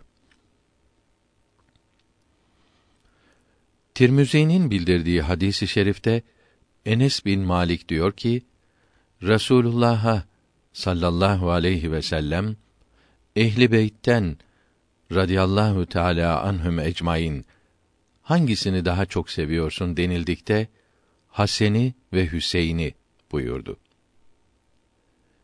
Müsevvir bin Muharrem'in haber verdiği hadisi şerifte Fatıma radıyallahu teala anha benden bir parçadır. Onu inciten beni incitmiş olur buyuruldu. Hakimin bildirdiği ve Ebu Hüreyre'nin haber verdiği hadisi i şerifte Fatıma'yı Ali'den daha çok seviyorum ve Ali bana Fatıma'dan daha çok kıymetlidir buyuruldu. Ayşe radıyallahu anha buyuruyor ki: Eshab-ı kiram hediyelerini benim evimdeyken getirirlerdi. Böylece Resulullah'ın sevgisini kazanmaya çalışırlardı. Yine buyuruyor ki, Resulullah'ın mübarek zevceleri iki kısma ayrılmıştı. Birinci kısımda ben ve Hafsa ve Safiye ve Sevde vardı. İkinci kısımda Ümmü Seleme ile öteki zevceler vardı. İkinci kısımdakiler Ümmü Seleme'yi Rasulullah'a gönderdiler ve eshabına bana hediye vermek isteyen hangi evimdeysem oraya getirsin buyurmasını söyle dediler. Ümmü Seleme böyle söyleyince beni incitmeyiniz. Bana melek vahyi yalnız Ayşe'nin evindeyken getirmektedir buyurdu. Ümmü Seleme de ya Resulallah seni incitmekten Allah'a sığınırım. Tövbeler olsun dedi. O zevceler ayrıca Hazreti Fatıma'yı da gönderip böyle söylediğinde ey kızcağızım benim sevdiğimi sen sevmez misin buyurdu. Fatıma radıyallahu teala anha evet dedi. Öyleyse onu sev buyurdu. Ayşe radıyallahu anha buyuruyor ki Hatice'ye radıyallahu teala anha imrendiğim gibi Resulullah'ın hiçbir zevcesine gayret getirmiş değilim. Halbuki onu görmemiştim. Rasulullah sallallahu aleyhi ve sellem onun ismini çok söylüyordu. Çok defa koyun kestiği zaman etinden Hatice'nin yakınlarına hediye gönderirdi. Hatice'nin ismini söylediği zaman dünyada sanki Hatice'den başka kadın yok mu derdim. O şöyleydi, böyleydi, benim ondan çocuklarım oldu buyururdu. Abdullah İbni Abbas'ın bildirdiği hadisi şerifte Abbas bendendir, ben de Abbas'tanım buyuruldu. Deylemi'nin bildirdiği ve Ebu Said'in haber verdiği hadisi şerifte benim evladıma, soyuma dil uzatarak beni incitenlere Allahü Teala çok azap yapacaktır buyuruldu. Hakimin bildirdiği ve Ebu Hüreyre'nin radıyallahu teala anh haber verdiği hadisi şerifte sizin en iyiniz benden sonra ehlime yani ehli beytime iyilik edeninizdir buyuruldu. İbn Asakir'in bildirdiği ve Hazret Ali'nin haber verdiği hadisi şerifte ehli beytime dokunan kimseye kıyamet günü bunun azabı yetişir buyuruldu. İbn Adi ve Deylemi'nin bildirdikleri ve Hazret Ali'nin radıyallahu teala anh haber verdiği hadisi şerifte Sırat köprüsünden en kolay geçecek olanınız ehli beytimi ve eshabımı çok seveninizdir buyuruldu. İmam-ı Rabbani'nin rahmetullahi teala aleyh mektubunun tercümesi burada tamam oldu.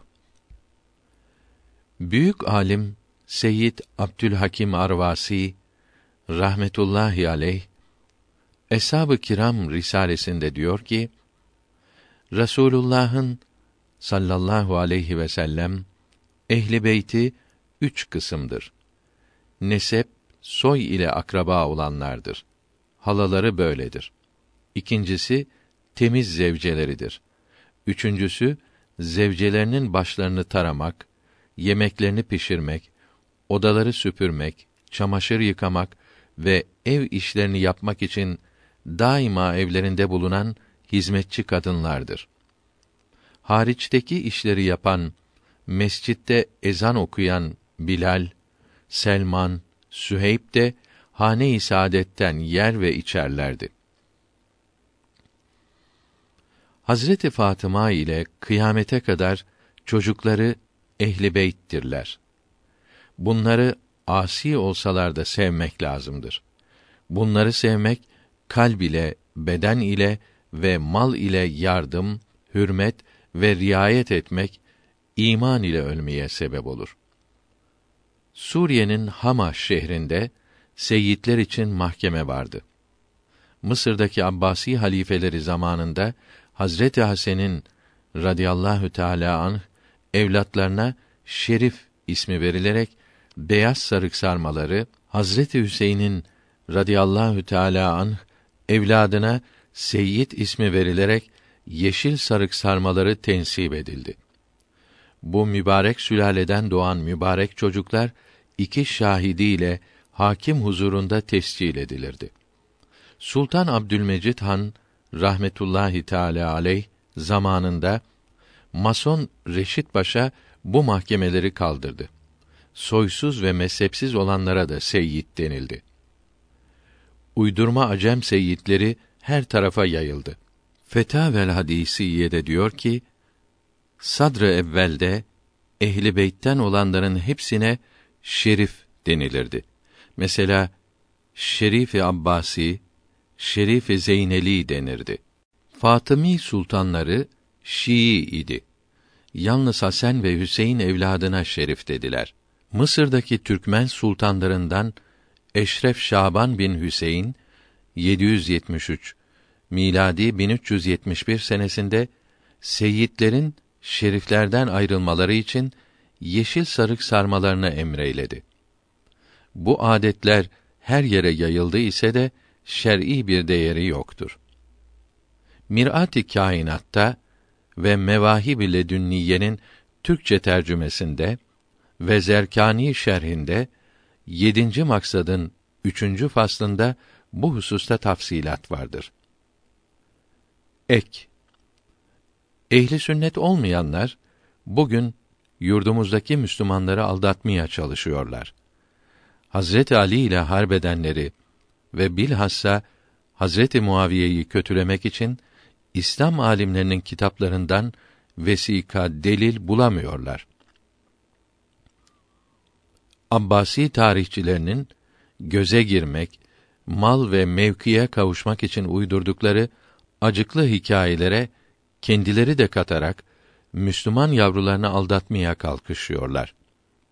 Türkçe Kısas-ı Enbiya kitabındaki yazıları da değiştirerek kendilerine yalancı şahit yapıyorlar. Memleketimizdeki Müslümanları ayırmak ve kardeşi kardeşe düşman etmek isteyen hainlerin nasıl iftira ettiklerini, yalan söylediklerini anlatmak için Kısas-ı Enbiya'dan birkaç satırı kıymetli okuyucularımıza bildirmeyi uygun görüyoruz.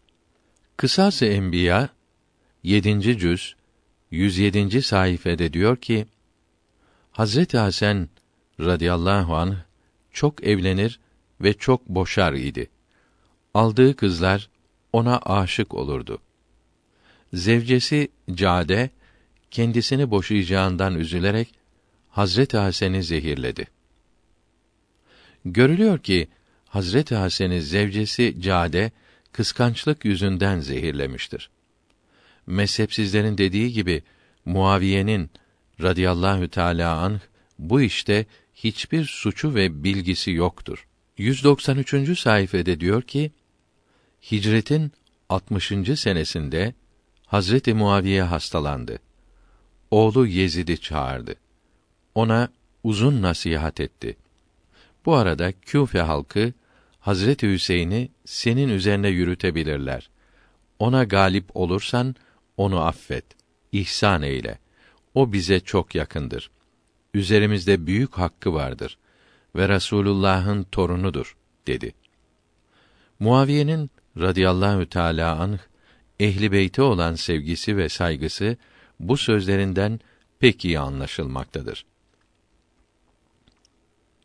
Hazreti Muaviye'nin hastalığı ağırlaşınca Rasulullah sallallahu aleyhi ve sellem bana bir gömlek giydirmişti. Bereketlenmek için onu bugüne kadar sakladım. Bir gün kestiği tırnakları ve mübarek saçının kıllarını bir şişe içine koyup saklamıştım. Ölünce o gömleği bana giydiriniz. O tırnakları ve mübarek saçının kıllarını gözlerime ve ağzıma koyunuz. Belki onların hürmetine Cenab-ı Hak beni affeder dedi. 194. sayfasında diyor ki: Hazreti Muaviye uzun boylu, beyaz, heybetli, çok sabırlı ve çok yumuşak huylu idi. Yumuşaklığı atalar sözü olmuştur. Bir gün huzuruna bir adam geldi ve ağır ve kaba hareket etti. Hazreti Muaviye bir şey söylemedi. Buna da mı sabredeceksin denildikte saltanatımıza saldırmayanların sözüne ilişmeyiz dedi. 195. sayfasında diyor ki Hazreti Ali radıyallahu anh buyurdu ki Muaviye'nin idaresini kötülemeyiniz. Zira onu kaybederseniz başların koptuğunu ve düştüğünü görürsünüz. Mirat-ı Kainat kitabında diyor ki Muaviye radıyallahu anh Mekke'nin fethedildiği gün babası Ebu Süfyan ile birlikte Resulullah'ın önünde imana geldi. İmanları kuvvetliydi. Resulullah'ın katiplerinden idi.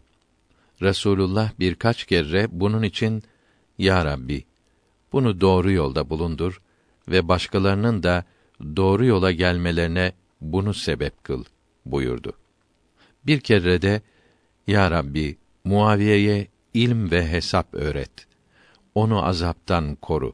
Ya Rabbi, onu memleketlere hakim kıl diye dua buyurdu.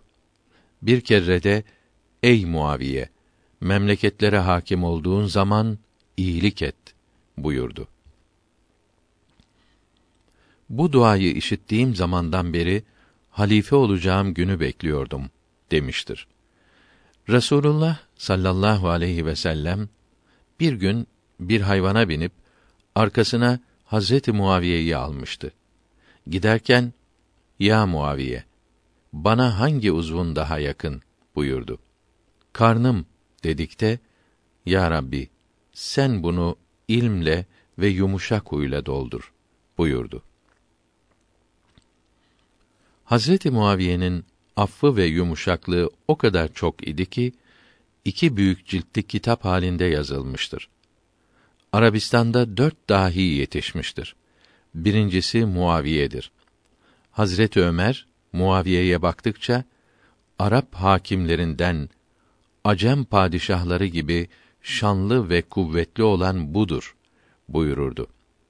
O kadar çok ihsan sahibiydi ki Hazreti Hasan çok borçluyum dedikte 80 bin altın vermiştir. Hazreti Muaviye'nin ehli beyti olan sevgisi ve yardımı buradan anlaşılmaktadır. Kudüs şehrinin birinci fatihi Hazreti Ömer, ikinci fatihi Hazreti Muaviye idi. Hazreti Muaviye İslam memleketlerini Afrika'da Tunus'a, Asya'da Buhara'ya ve Yemen'den İstanbul'a kadar genişletip bu geniş memleketlere hakim oldu. Heybetli, nurlu, yakışıklı, güzel huylu, sevimli, işlerinde isabetli, şanlı şerefli bir devlet başkanıydı. Temiz ve yeni, şık giyinir, seçme atlara biner, saltanat sürerdi. Fakat eshab-ı kiramdan olduğu için Resulullah'ın sallallahu teala aleyhi ve sellem sohbeti bereketiyle İslamiyetten ayrılmaktan muhafaza olunmuş idi. Abdülhak Dehlevi Hazretlerinin Farisi Medaricün Nübüvve kitabında 417. sayfede ve Mevahib ile Dünniye tercümesi 1. cilt 181. sayfede diyor ki Ebu Süfyan bin Harp Taif gazasında çok kahramanlık etti. Bir gözü kör oldu. Rasulullah sallallahu aleyhi ve sellem buyurdu ki: Ya Eba Süfyan, hangisini istersin? Eğer dilersen dua edeyim, gözün yerine gelsin. Eğer dilersen Allahü Teala cennette sana bir göz versin buyurdu. Ebu Süfyan, Ya Resulallah, cennette göz verilmesini isterim dedi ve avucunda duran gözünü yere attı. Ebu Süfyan Hazretleri Yermük gazasında da çok kahramanlık etti. İkinci gözü de çıktı. Orada şehit oldu. Kısası Enbiya 314. sayfasında diyor ki Mekke'nin fethinden sonra Ebu Süfyan ile oğlu Muaviye Resulullah ile birlikte Medine'ye hicret ettiler. Resulullah sallallahu aleyhi ve sellem Ebu Süfyan'ı Necran vilayetine vali tayin buyurdu. Hazreti Muaviye'yi de vahiy katibi yaptı. Kısas-ı Enbiya'da 476. sayfasında diyor ki, Yermük gazasında Müslümanlardan 3000 kişi şehit oldu. İçlerinde eshab-ı kiramdan çok zevat var idi. Ebu Süfyan'ın dahi bir gözüne ok gelerek kör oldu. Radiyallahu anhüm ecmaîn. Abdülhak Dehlevi Hazretlerinin Medaricün Nübüvve kitabı ikinci cilt 684. sayfasında diyor ki Şam valisi Yezid bin Ebi Süfyan vefat edeceği zaman yerine kardeşi Muaviye'yi vali yaptı. Halife Hazreti Ömer Hazreti Muaviye'nin valiliğini tasdik eyledi. Hazreti Ömer vefat edinceye kadar dört sene ve Hazreti Osman, Hazreti Ali ve Hazreti Hasan zamanlarında 16 sene Şam'da vali olarak kaldı. Hicretin 41. senesinde Hazret Hasan'ın halifeliği bırakması üzerine meşru halife oldu. Şam'da 20 senede halifelik yapıp 78 yaşındayken lakve denilen hastalığa yakalanarak vefat etti. Hazreti Osman'ı şehit eden katillerin yakalanarak cezalarının hemen verilmesini isteyenlerden idi. Hazreti Ali ise hilafet işlerinin karışmaması için bu cezanın geciktirilmesini istedi. Bunun üzerine Hazreti Muaviye'yi valilikten azleyledi. İmam-ı Suyuti'nin İmam Ahmed'in Müsned kitabından alarak bildirdiği hadisi şerifte Resulullah sallallahu aleyhi ve sellem Ya Rabbi Muaviye'ye yazı yazmayı ve hesap öğret ve onu azaptan koru buyurdu. Kısas-ı Enbiya'nın ve kıymetli din kitaplarının radıyallahu anh diyerek hayır dua ettikleri ve methü sena eyledikleri ve son nefeslerine kadar İslamiyete hizmet için çalıştıklarını bildirdikleri Ebu Süfyan'a ve oğlu Muaviye'ye radıyallahu teala anhüma dil uzatanların ve Resulullah'ın bu iki sahabisini kötüleyenlerin ne kadar yanlış yolda oldukları yukarıdaki yazılardan anlaşılmaktadır.